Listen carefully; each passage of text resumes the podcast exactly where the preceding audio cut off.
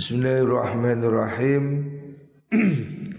Qala Rasulullah sallallahu alaihi wasallam Man an'amallahu alaihi ni'matan fa arada baqa'aha falyukthir min la haula wala quwwata illa billah. Loh, niku nggih. Man utawi sapane wong iku an ama paring nikmat. Sapa Allahu Gusti Allah alaihi ing atase man. Fa nuli ngarepaken sapa man. Aha ing tetepi nikmat. Siapa orang mendapat nikmat dan ingin terus menerus mendapat nikmat itu supaya awet. Fal yukthir mongko becik ngakeh no sopeman ngakeh no min la haula wala quwwata illa billah. Saking ngucapaken la haula wala quwwata illa billah. Barang siapa ingin nikmat yang diterima itu awet. Siapa orang kepingin mendapatkan nikmat Allah secara terus menerus hendaknya dia rajin mengucapkan la haula wala quwata illa billah. Ya. Jadi ini untuk mengawetkan nikmat Kembalikan semuanya pada Allah. La haula wa la illa billah. Orang sedih bacalah. La haula wa la illa billah. Begitu juga orang dapat nikmat. Supaya kita ini jangan pernah rumongso Jangan merasa apa-apa. Itu adalah kemampuan kita. Sandarkan semua kepada Allah Subhanahu wa taala. Jadi kalau kamu lemah ucapkan la haula wala quwata illa billah. Dalam kondisi apa pun, dalam kondisi kuat, dapat nikmat juga tetap berbanyak ucapan la haula wala quwata illa billah. Supaya rezekinya awet lancar ya. Setiap hari setiap pagi setelah sholat duha baca dulu la haula wala quwata illa billah. Artinya la haula wala quwata illa billah kita ini menyandarkan semua kekuatan, semua kemampuan itu sumbernya hanya dari Gusti Allah. Jangan merasa mampu diri kita sendiri. Kita ini selamanya selalu butuh kekuatan bantuan dari Gusti Allah. Hadis Urwah Tabrani an Uqbah bin Amir. Selanjutnya Rasulullah Shallallahu Alaihi Wasallam bersabda, "Man batakalan fi talabil halal, bata maghfuran lahu." Man utawi sapane wong iku bata Sewengi-wengi sapa man?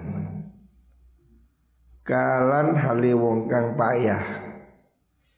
Mintola bil halali saking nyupri dunyo halal. Siapa orang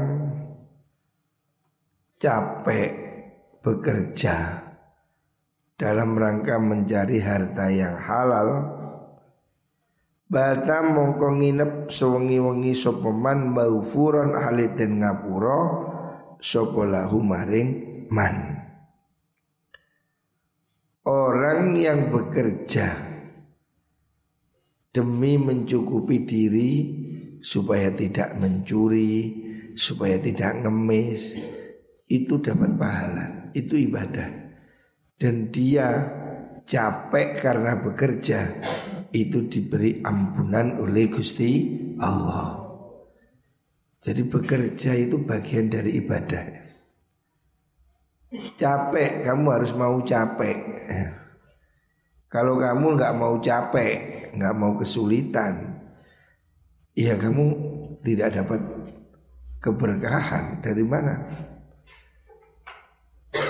Kecuali kamu sudah kaya raya ya. Tapi secara umum manusia ini harus bekerja supaya dia bisa bertahan. Minimal dia mencukupi dirinya. Kalau punya istri ya istri anaknya. Orang punya kemampuan diberi Allah kekuatan supaya berusaha. Jangan malas. Bekerja itu ibadah ya. Jangan seneng nganggur. Penyebab miskin itu yang nganggur, malas. Itu penyebab miskin. Miskin dan malas itu satu grup. Kalau kamu malas, ya akibatnya kamu jadi miskin. Insya Allah asal kamu mau berusaha rezeki selalu ada, di mana pun selalu ada. Jangan males berusaha. Capekmu karena bekerja, capekmu karena berusaha mencari harta halal itu mendapatkan ampunan dari Gusti Allah. Ini hadis rawahu Ibnu Asakir. Selanjutnya kanjeng Nabi dawuh Mambada abil kalam salam fala tujibu man utai sapane wong iku bada angawiti sapa man bil kalami kelawan ucapan guneman qabla salami sak durunge salam fala tujibuhu mongko ojo jawab sira hu ingman orang yang mengucapkan salam itu hendaknya pertama kali ketemu ucapkan salam ya. Seperti orang mau pidato nih loh. Jadi tidak perlu diucapkan kata-kata yang lain Bapak-bapak, ibu-ibu, saudara-saudara Assalamualaikum Salam itu sebelum bicara ya. Pertama kali bicara Ucapkan salam Baru kamu saudara-saudara dan seterusnya Kata kanjeng Nabi Kalau ada orang Bicara sebelum salam Maka salamnya tidak sunnah dijawab. Jadi tempatnya mengucapkan salam itu sebelum bicara. Begitu kamu datang naik podium ucapkan Assalamualaikum. Ojo bapak-bapak, ibu-ibu, Para hadirin sekalian Assalamualaikum. Tidak begitu. Yang benar itu Begitu ketemu orang ucapkan salam ya. Salam ini pembuka Kita ketemu orang ucapkan salam Dan ini harus selalu dibiasakan. Di mana pun Biasakan selalu memulai dengan salam ya. Hadis rawahu Abu Nu'aim Selanjutnya Nabi bersabda Man barra walidayhi tauba lahu wa zadahullah fi umri Man utai sapane wong iku barra bagusi sapa man. Walidayhi ing wong tuwa lorone man. Siapa orang berusaha berbuat baik pada dua orang tua ya. Siapa orang berusaha menyenangkan hati orang tuanya? Tuba mongko iku bejo banget lahu kedweman. Itu akan membawa kebaikan bagi dia ya. Kamu hidup pasti. Kalau kamu berbakti pada orang tua Hidupmu akan bahagia. Tuba lahu. Hidupmu akan menyenangkan. Hidupmu akan baik ya. Usahakan hidup ini jangan sampai mengecewakan orang tua. Termasuk sing pondok ini. Jok bolosan. Jangan melanggar aturan. Ikuti aturan tertib supaya kamu bisa membanggakan orang tuamu. Supaya kamu tidak sia-sia dikirim mondok. Tubalahu wazadalan nambahi sinten Allah Gusti Allah fi umrihi ing dalam umuriman. Siapa orang berbakti pada orang tuanya, maka hidupnya akan berbahagia dan Allah akan beri keberkahan usianya. Wazadallahu fi umri Allah tambahkan usianya. Artinya Allah tambah keberkahan hidupnya. Hidupnya lebih berarti, hidupnya lebih bermanfaat. Ya. Usianya berkah bertambah. Ini karena dia berbakti pada orang tua. Jadi tidak ada pilihan lain. Kalau kamu berbakti, hidupmu baik, bahagia. Tapi kalau kamu durhaka, hidupmu tidak akan bahagia. Ini sudah rumus dari kanjeng Nabi. Hadis Rawahul Bukhari diriwayatkan Imam Bukhari. Selanjutnya kanjeng Nabi dawuh Rasulullah Shallallahu Alaihi Wasallam bersabda membana masjidan lillah banallahu lahu baitan fil jannah hadis urwahu ibnu majah man udai sapane wong iku bana bangun sopoman bangun masjidan ing masjid. Lillahi krono Gusti Allah. Siapa orang bangun masjid karena Allah? Bukan karena riak Bukan karena pamer ya. Memang ingin wakaf masjid. Walaupun kecil Jadi masjid itu tidak harus dipakai Jumatan Kalau masjid yang dipakai Jumatan itu namanya masjid jamek. Kamu bisa bangun masjid di rumahmu sendiri di kampung-kampung tidak masalah ya. Bangun masjid di mana pun itu baik dan tidak harus dipakai jumatan. Yang dipakai jumatan itu namanya masjid jamek. Di rumahmu kamu bangun masjid boleh ya. Dibangun masjid tujuannya untuk tempat sholat dibangun masjid supaya kena dibuat iktikaf. Beda nopo kali musola. Kalau musola langgar ini lebih umum. Orang wakaf musola langgar ini bisa lebih umum. Dibuat pertemuan, dibuat apalah. Tidak dibuat iktikaf.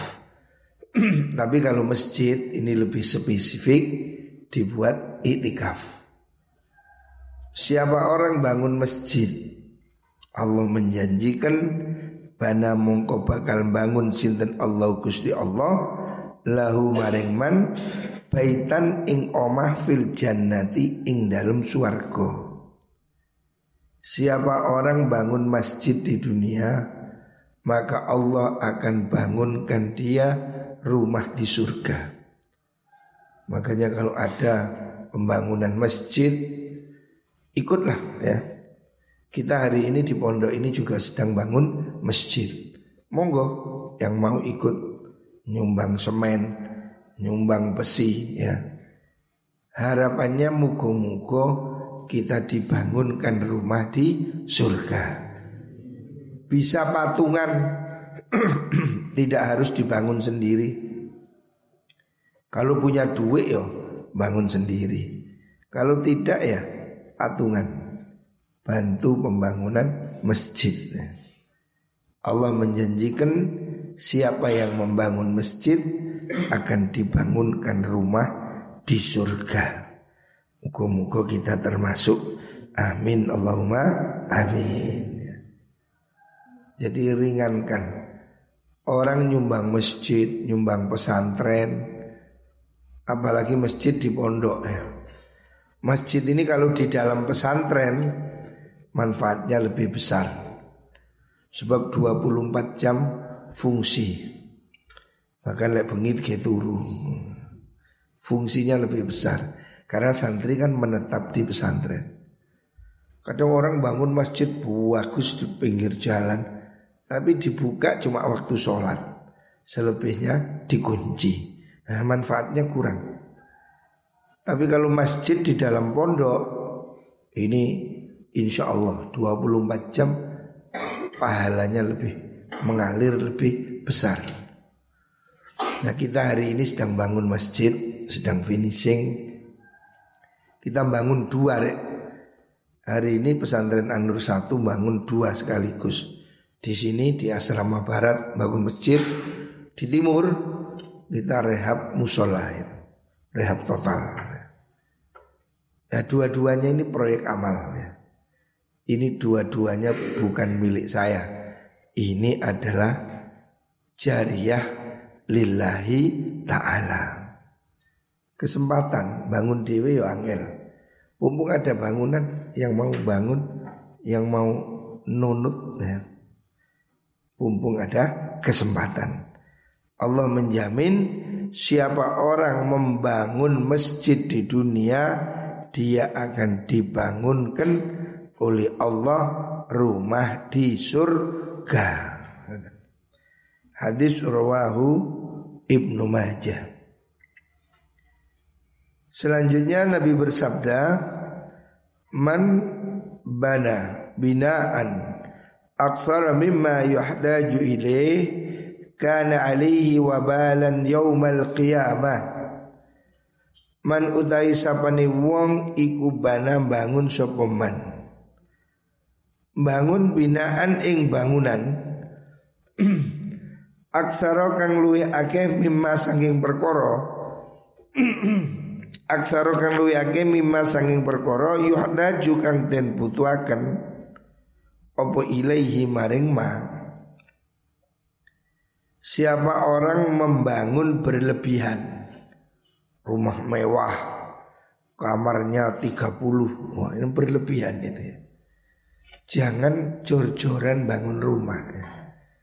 Bangun rumah ya secukupnya Rumah saya cuma berapa kamar empat kamar. Padahal anak saya tujuh. Jadi nggak usah bikin kamar banyak-banyak. Toh anak-anak ini gede sedikit udah pergi, udah mondok. Ya. Jangan membangun berlebihan. Siapa orang membangun rumah, istana berlebihan, karena mongko ono pembina alaihi ing atasiman iku wabalan dari belai menjadi tanggungan. Yaumal kiamati ing dalam dino kiamat. Siapa orang membangun secara berlebihan Maka itu akan menjadi beban Dipertanggungjawabkan kelak di akhirat Makanya nggih omai sak cukup ya kalau bangun lagi buat apa? Buat kamar tamu. Saya bangun lagi di situ atas. Untuk apa itu? Kamar tamu. Barangkali ada saudara. Kalau niat untuk menghormat tamu boleh. Dulu kiai saya di Lirboyo begitu. Kalau bangun rumah itu niatnya bangun tempatnya tamu. Ayah saya juga begitu. Di rumah saya di timur itu kan ada kamar samping rumah. Sejak awal almarhum bilang, nggak kamar tamu. Niat bikinkan kamar untuk tamu. Kalau begitu tidak jadi beban. Ya. Karena niatnya ibadah. Bikin kamar untuk tamu. Ya. Jadi kalau kita bangun rumah, niatkan begitu. Karena rumah-rumah yang dibangun secara berlebihan, wong anaknya telu, kamari pitung bulu kemaruk. Orang yang bangunannya berlebihan besok akan dihisap diperhitungkan pada hari kiamat. Makanya saya rumah saya ya ini sejak dulu ya ngono cukup.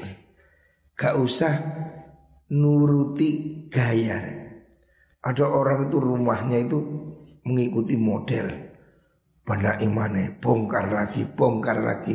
Untuk apa? Rumah ini yang penting nyaman, tidak bocor ya sudah.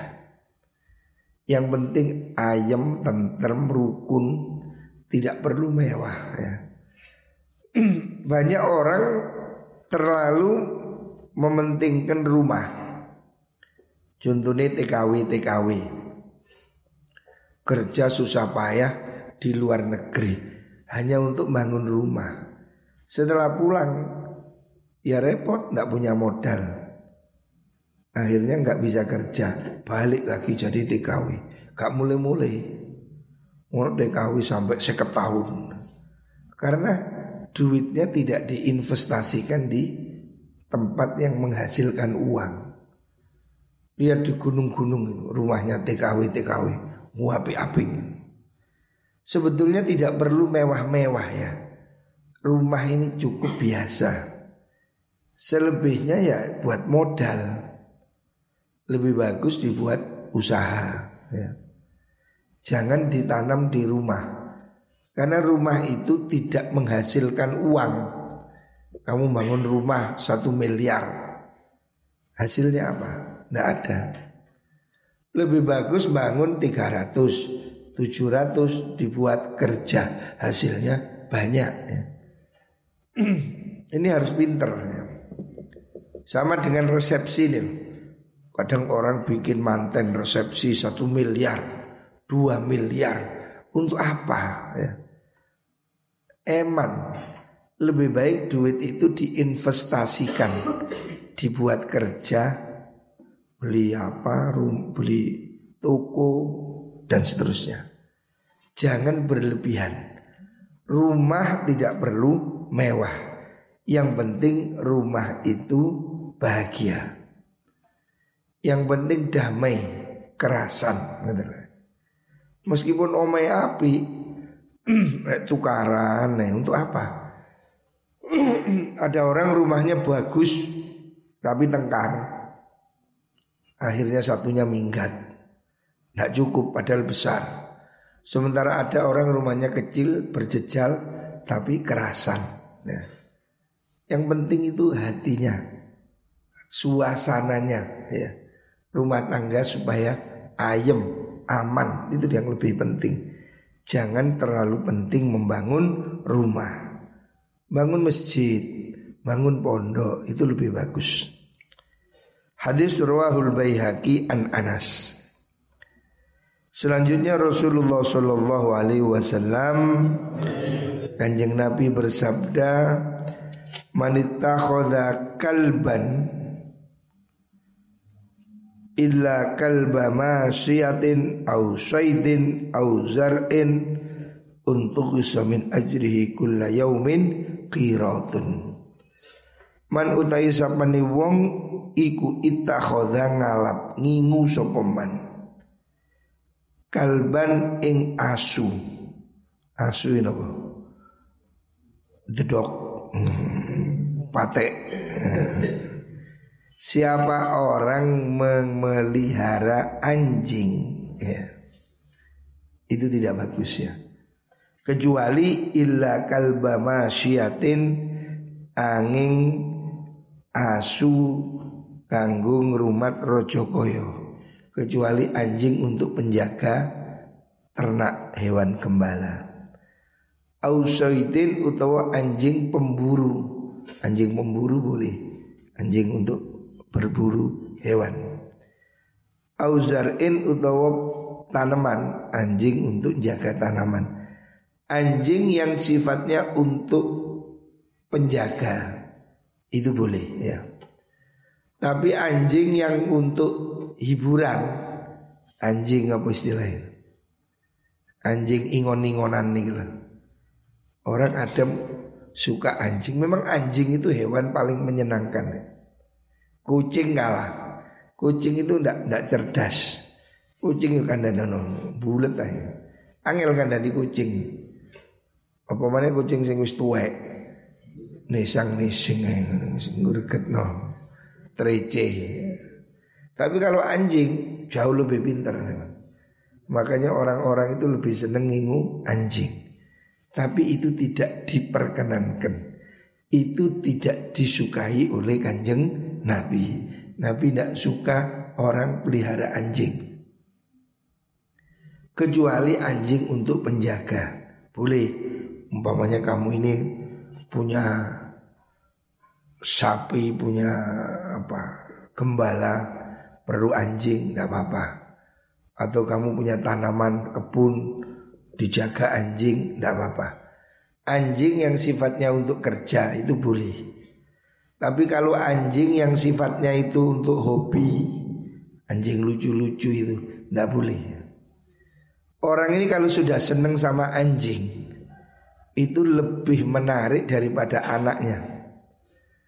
Saya lihat di Eropa itu, terutama di Inggris, orang sama anjing itu luar biasa.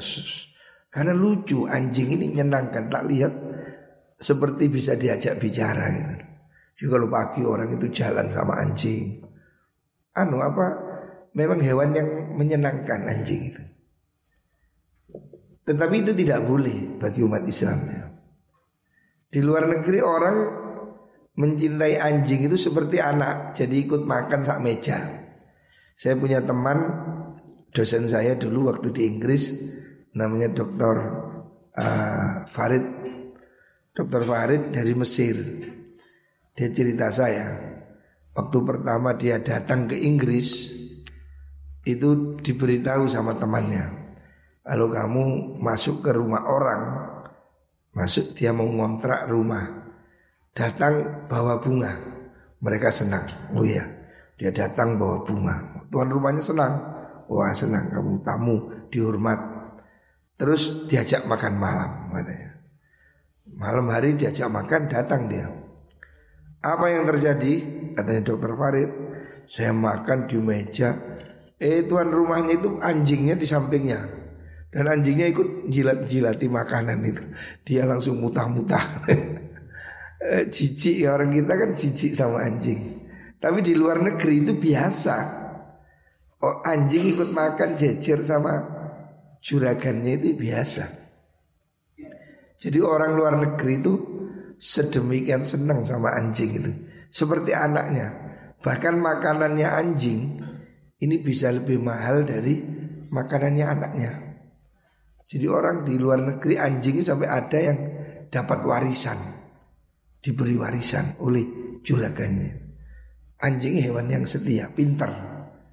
Tapi bagi kita umat muslim dianjurkan untuk tidak memelihara anjing kecuali kalau anjing itu untuk penjaga. Boleh punya anjing untuk jaga kebun, jaga gembala, jaga rumah boleh, tapi jangan masuk rumah. Karena ada riwayat malaikat tidak mau masuk rumah yang di dalamnya ada anjing. Kalau memang harus punya anjing, memang kalau memang lo ya, ya taruh di luar sana. Saya punya teman di Bogor, pengusaha, punya anjing. Tapi anjingnya taruh di luar sana, di gerbang, kasih kurungan. Jadi kalau ada tamu jonggong, kuak kuak kuak, saya kaget juga loh, ada anjing. Tapi tidak dilepas, ditaruh di depannya, dikurung untuk nakut-nakuti orang. Ya karena ini orang kaya, Ya orang kaya ini kan semakin ketakutan. Takut ada maling. Makanya dia pakai anjing. Kita-kita bukan dia apa-apa. Kayak apa anjing, kucing aja. Ya. Kucing ini juga hewan menyenangkan. Kanjeng Nabi juga suka kucing. Tapi kucing tidak sepinter anjing. Jauh, anjing jauh lebih cerdas. Kanjeng Nabi tidak suka orang ngingu anjing. Siapa orang punya peliharaan anjing, ini akibatnya. Untuk iso mongkotin suto min ajrihi sangking kanjarane wong kulla yaumin ing dalam saben dina apa qiratun sakirat. Sakirat ini banyak ya. Jadi setiap hari pahalanya dikurangi orang yang melihara anjing di dalam rumah itu tidak haram bukan haram, tidak haram, tapi tidak bagus. Setiap hari pahalanya dikurangi oleh Gusti Allah. Eman ya. Ini hadis sahih muttafaqun alaih. Usapa ngantuk? Selanjutnya kala Rasulullah sallallahu alaihi wasallam Mambana fauqa asrati adru'in nadahu munadin minas sama ya adu Allah ilai aina turid. Man utai sapane wong iku bana bangun sapa man? Fauqa asrati adru'in ing dalem sak dhuwure 10 dhira siapa orang bangun yang sangat tinggi? Pada masa itu 10 dhiro. 10 dhiro ini ya tidak banyak. Satu dhiro sekitar 60 cm 6 meter. Pada saat itu sudah sangat tinggi. Artinya siapa orang yang sombong bangunannya mewah megah tinggi nada mongko ngundang-ngundang hu ingman Sopo munatin malaikat kang ngundang-ngundang. Maksudnya dia akan ditegur oleh malaikat. Minas sama isangking langit Ngucapakan Ya adu Allah Eh musuh Allah Ila aina turid? Ila aina maring endi? Turid ngarapaken siro Artinya itu tidak disenangi. Nah, Tapi hari ini ada orang bangun Bukan hanya 40 dirok 40 ribu dirok. Jeddah mau dibangun menara tertinggi di dunia Berapa ribu meter? Dulu bangunan tertinggi itu di Malaysia Kuala Lumpur. Itu berapa? Ratus meter. Terus di Dubai oh ada. Burj ada disebut dengan Burjul Arab. Di Dubai ini ada menara hotel tinggi berapa ratus meter? Tidak tahu saya. 700 meter atau berapa namanya Burjul Arab. Itu tidak bagus. Membangun bangunan tinggi-tinggi sebagai kesombongan itu tidak bagus ya seakan-akan itu menantang Gusti Allah. Seakan-akan. Sebab dulu kan Nabi ah, zamannya Nabi Musa Fir'aun punya insinyur yang bernama Haman. Haman itu kan bercita-cita ingin menembak Gusti Allah. Ya, dia membangun menara pencakar langit. Fir'aun menyuruh Haman, ya Hamanub nili sorhan.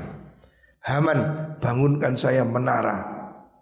Saya mau apa? La'alli attaliu ilahi Musa. Saya mau nginceng Tuhannya Musa ada di mana.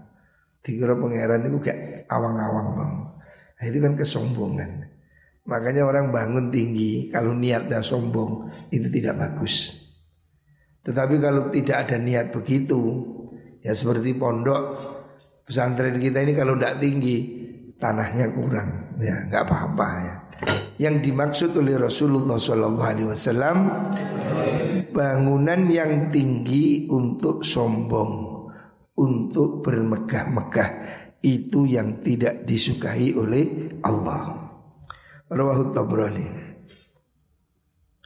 Selanjutnya Nabi bersabda man ba'a jilda udhiyatihi fala udhiyatalah. Man utai sapane wong iku ba'a adol sapa man. Udhiyatihi ing jilda udhiyatihi ing kulit hewan kurbaniman. Fala udhiyata mongko ora ono kurban iku maujud maksudnya tidak diterima kurbannya lahu keduiman. Hadis ruahul bayhaqi orang berkurban mengeluarkan hewan kurban itu tidak boleh dijual. Ya. Walaupun kulitnya tidak boleh dijual. Jadi panitia juga tidak boleh menjual. Lah bagaimana kulitnya? Boleh diberikan orang dulu ya. Berikan orang yang berhak baru dia boleh menjual. Tapi kalau dijual oleh panitia tidak boleh. Karena panitia ini statusnya wakil dari orang yang kurban. Jadi caranya umpamanya kulitnya banyak dibagi aja berikan orang. Baru orang itu jual. Nah itu boleh. Tapi kalau dijual oleh pemiliknya, pemilik kurbannya itu tidak boleh. Kata Nabi tidak sah. Fala udhiyatalah. Hewan kurbannya tidak diterima ya. Jadi jangan menjual kulit hewan kurban Baik oleh pemiliknya atau oleh wakilnya Oleh panitia juga tidak boleh. Tapi kalau sudah diberikan pada orang miskin Orang miskin dapat bagian kulit Dijual boleh ya. Sebagai hak dari orang miskin gitu. Wallah